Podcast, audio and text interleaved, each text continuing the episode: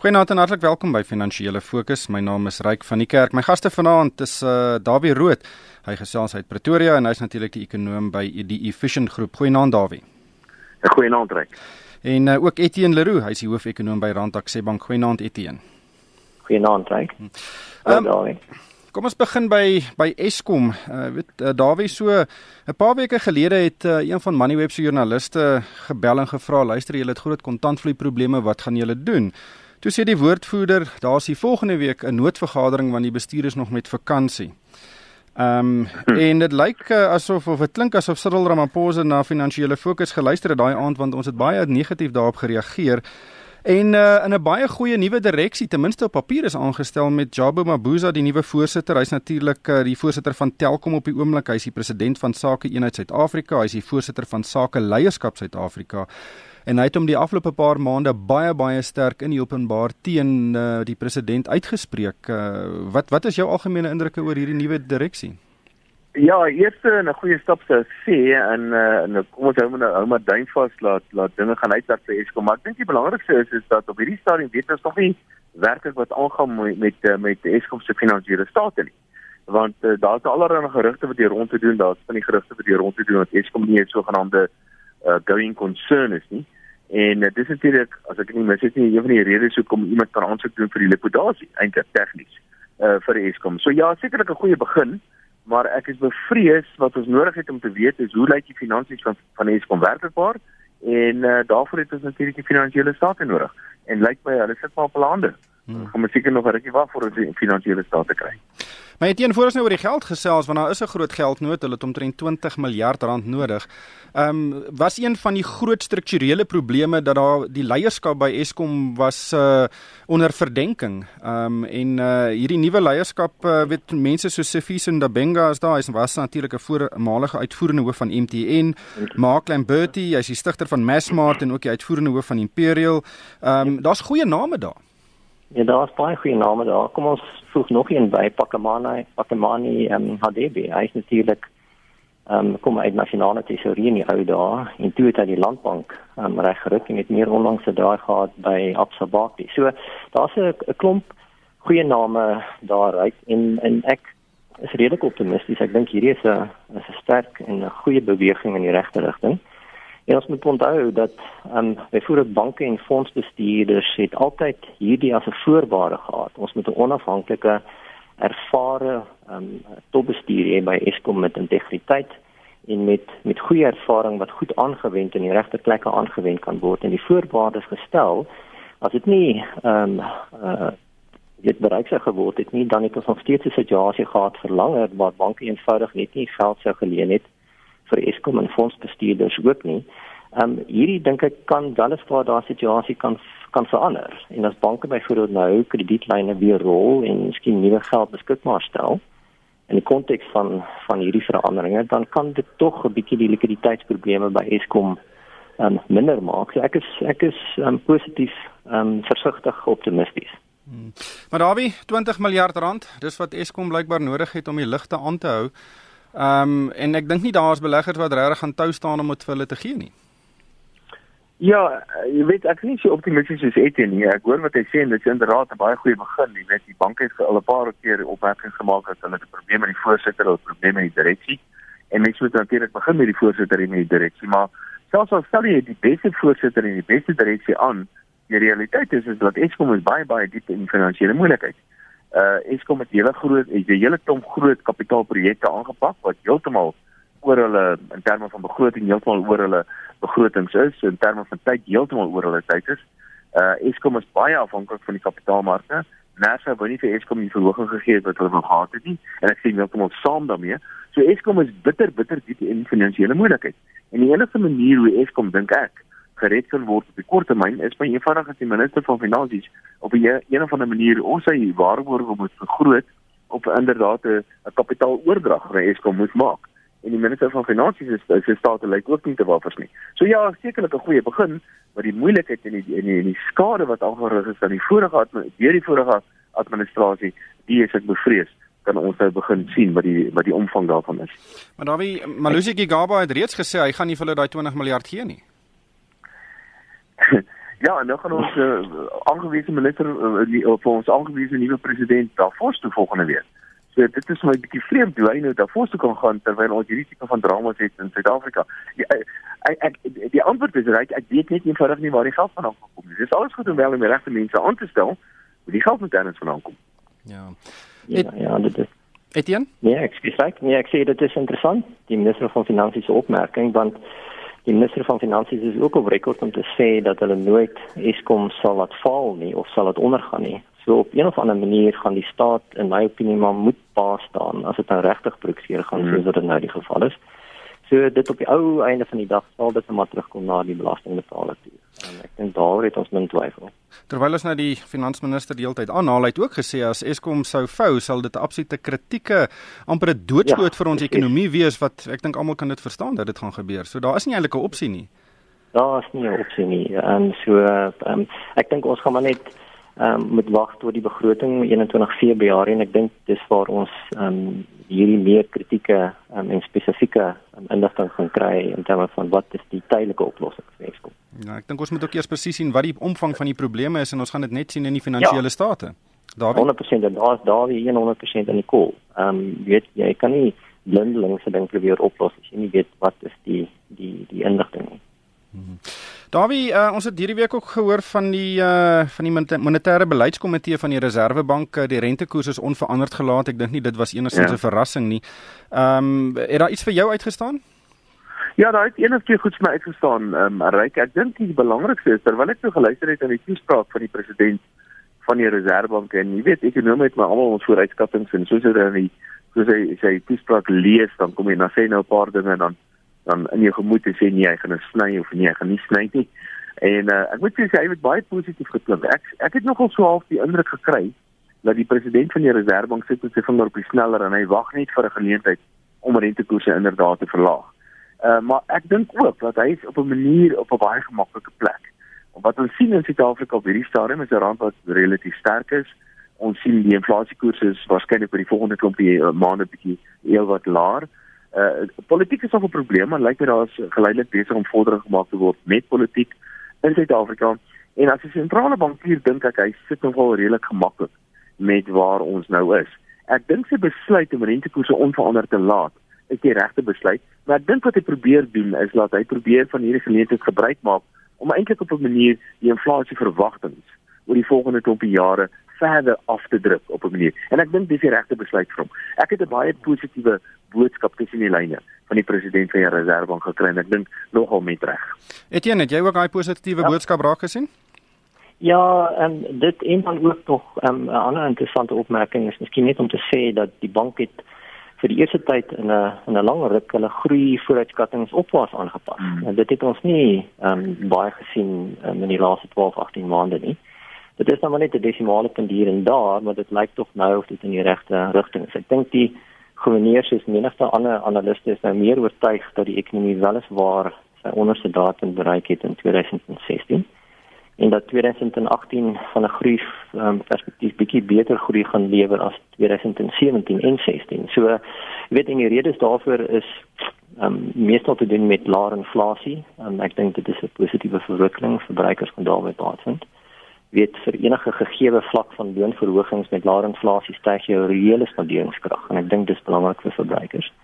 En dan ook ehm um, is die gouverneur het hom ook uitgespreek oor die politieke positiewe politieke verwikkelinge en dan die ja. potensiële invloed daarvan op vertroue, besigheidsvertroue en ek en ek ek stem daarmee saam. Jy weet ek ja. dink besigheidsvertroue is so laag, kom van so 'n laag vlak af dat 'n klein verskil kan nog 'n groot invloed hê op vaste investeringe in diensname en die klas. So ek dink om desimale punte by groei vooruitskattinge by te sit, dink ek is die regte ding in die konteks van wat ons die laaste 6 weke gesien het in Suid-Afrika. Hm. Dawie wil iets byvoeg? Ja, ek het goed bygevoeg. Uh, Ryk, die eerste een is is dat wat ons moet besef is dat uh, Suid-Afrika is is 'n klein oop ekonomie en dat ons maar afhanklik is van die internasionale rigtings wat monetêre beleid internasionaal aanneem. En die president van die Reserwebank het daarna verwys een of twee keer. En ek dink wat aan die gebeur is internasionaal is dat rentekoerse waarskynlik in Amerika, nie net rentekoerse maar monetêre beleid oor die algemeen gaan waarskynlik so iets wat strammer word, moontlik in in Europa ook en miskien selfs in in Japan. En uiteindelik ons kan miskien uh, die vooruitsigte in Suid-Afrika is miskien iets wat laer rentekoerse oor die volgende klompie maande, maar uiteindelik is die realiteit dat Suid-Afrika 'n klein speler is in die internasionale gemeenskap en dat ons uiteindelik die internasionale tendense moet volg en dit beteken hoër rentekoerse. Miskien op die kort termyn iets wat laer rentekoerse, maar sê net maar oor die volgende jare wat moet ons maar die internasionale tendense volg. Die tweede ding is wat interessant is en ek en Etienne gaan waarskynlik daaroor saamstem is dat jy weet nou is daar iewers skielik so iets wat van 'n beter ekonomiese groei vooruitsigte. Die Reserwebank se groei vooruitsigte is nou meer as 1% en almal is nou baie opgewonde, maar dit is nog steeds bitter bitter swak. Suid-Afrika se ekonomiese uh, onderliggende ekonomiese groei traject lyk my as jy in 'n omgewing so van so wat 1% of so en 1.5% is sekerlik nie goeie ekonomiese groei vooruitsigte nie. Ons het ons het ja. baie nader aan 5% nodig voor ons van werke van goeie ekonomiese groei kan praat. Etienne Nee, dit is dis baie belangrik en ek dink dis krities dat 'n ou moet onderskei tussen die besigheidssiklus en jou strukturele ekonomiese groeikoers of jou jou voor jou potensiële ekonomiese groeikoers. So die ekonomie is in opswaai. Ek bedoel dis dis min twyfel daaroor. Ehm um, maar die strukturele daar's nog soveel strukturele probleme in Suid-Afrika wat groei laag gaan hou oor die medium tot langtermyn. En dit is natuurlik die goederes wat aangespreek moet word. Ehm um, en dit is waar goederes soos Eskom en publieke korporasies in die algemeen um, byvoorbeeld ehm um, um, belangrik is plus ander goederes soos produktiwiteit en nog steeds lae vlakke van vaste investering in ons onderwysprobleme en al die klasse goederes. Ehm um, dit is ehm um, goed wat medium tot langtermyn groei kan opstoot. Ehm um, maar daar's geen twyfel dat van 'n sikliese perspektief die ekonomie nou in opswaai. Daar wil ek weer vinnig gesels oor die wisselkoers. Uh, ons het nou gesien die rand het uh, verlede week 'n uh, bietjie sy spiere ge, gebul R12.20 teen die dollar. Um, maar ek het ook verlede week 'n baie interessante grafiek gesien en dit is dat uh, die rand het verlede jaar omtrent 10% verstewig teen die dollar, maar uiteindelik verswak teen die pond en die euro. Um, is wat ons ja. nou sien nie maar eintlik rand of dollar swakheid eerder as wat die wisselkoers reageer op politieke ontwikkelinge hier nie baie daarvan is inderdaad en en, en, ek moet sê dit is iets wat ek nogal verkeerd gehad het. Ek het gereken dat die dollar so heelwat stewiger eh, stewiger gewees het die afgelope jare of so, wat nie die geval was nie. Maar jy is heeltemal korrek, wat ons gesien het die afgelope tyd is baie daarvan is 'n verswakking in die Amerikaanse dollar self. Nou fundamenteel, indien die Amerikaners begin om rentekoerse te verhoog, behoort die, die dollar oor die volgende jare wat ook al uh, te verstewig. Maar dit gesê, jy weet almal sê die rand is iewers skielik baie sterk. Die rand is nie sterk teen R12 nie. Ek het sopas gekyk, dis R12.05 vir Amerikaanse dollar. So R12.05 is nie 'n sterk wisselkoers nie. Dis net 'n minder swak wisselkoers. Die rand behoort eintlik teen nog sterker vlakke as hierdie te vra nog. Uh ek het 'n vermoede is dat wat ons waarskynlik op die oomblik sien is 'n positiewe reaksie op die politieke verwikkelings in Suid-Afrika, maar ek is bevrees die fundamentele realiteit in Suid-Afrika is sodanig dat ons waarskynlik oor tyd nog steeds 'n verswakking in die wisselkoers van rand gaan sien. Dawie, wat dink jy is die billike vlak van die van die rand en die dollar? Wel as jy praat van koopkragpariteit, dan is dit waarskynlik in 'n hoogte van so R8 of so. Nou, ek sien nie rand van R8 nie. Ek dink nie dis waar dit behoort te wees nie, maar maar daar daarbey moet jy nou sê net maar 10% byvoeg vir vir uh, vir uh, vir die feit dat Suid-Afrika 'n ontwikkelende land is, dan moet jy nou 'n uh, klompie persentasie uh, persentasiepunte bysit vir die feit dat ons 'n uh, uh, lopende rekening tekort het en dis meer. So ek dink 'n realistiese goeie vlak vir die rand is waarskynlik in die omgewing van so R11 of so. Maar Suid-Afrika is 'n is 'n land met baie baie ernstige strukturele probleme. Ons gaan waarskynlik 'n afgradering sien en ek dink die rand gaan nie veel sterker word as 12 van vir Amerikaanse dollar onder hierdie omstandighede nie. Etienne, jou gedagtes? Ja, dit is interessant dat Dawie 11 rand nu weet vir wat dit werd is. Um, en dit is maar bloot net 'n eksperiment. Ons ons eie sommetjies wys dat die dat die fair value van van rand dollar hier omgewing van 11.50. So dit beteken dat ten spyte van die sterk apresiasie in die rand teenoor die dollar byvoorbeeld die laaste paar maande, en is die rand nog steeds onderwaardeer. Ehm um, weet ek ja. dink nie ons is in 'n in 'n situasie waar die rand oorwaardeer is um, op die punt nie. So daar is 100% reg. Jy kan nie praat van 'n sterker rand nie. Ehm um, miskien net nog 'n punt om te maak ryk is is dat jy is 100% reg. Ek bedoel die rand is nie die enigste wisselkoers wat in die laaste paar maande geappresieer het nie. Die ontleikende markte se wisselkoers het dit ook gedoen. Maar dit is ook waar om te sê dat sedert ehm um, die ANC se se verkiesing in Desember ehm um, het die rand 'n bietjie beter gedoen as ander ontleikende markte. So ek dink jy is reg in die kol, ehm um, die dollar swakheid definitief 'n rede en hoekom die rand waar hy is waar hy nou is, maar ook natuurlik die positiewe politieke verandering het definitief sentiment gelig teenoor Suid-Afrika in die breë. En jy sien dit ook in die portefeulje kapitaalvloei um, wat redelik sterk um, ingekom het in in die laaste paar weke en so dit ek dink is 'n kombinasie van al twee faktore. Daar wie een van die plekke waar die rande eintlik gaan vloei uh, hierdie week wat kom is in Davos, uh, die jaarlikse uh, vergadering van die Wêreldekonomiese Forum. Dis natuurlik een van die duurste plekke op aarde en ek oordryf nie. Uh, meer as 3000 afgevaardigdes, die wies wie van die politieke, ekonomiese en akademiese sektore gaan daar wees. Cyril Ramaphosa lei 'n groot afgevaardigde of afvaardiging van Suid-Afrika. Donald Trump gaan daar wees um, en hy gaan gesels oor hoe gaan 'n mens 'n uh, gemeenskaplike toekoms bou in 'n verdeelde wêreld van alle dinge. Wat wat is jou verwagtinge van Davos?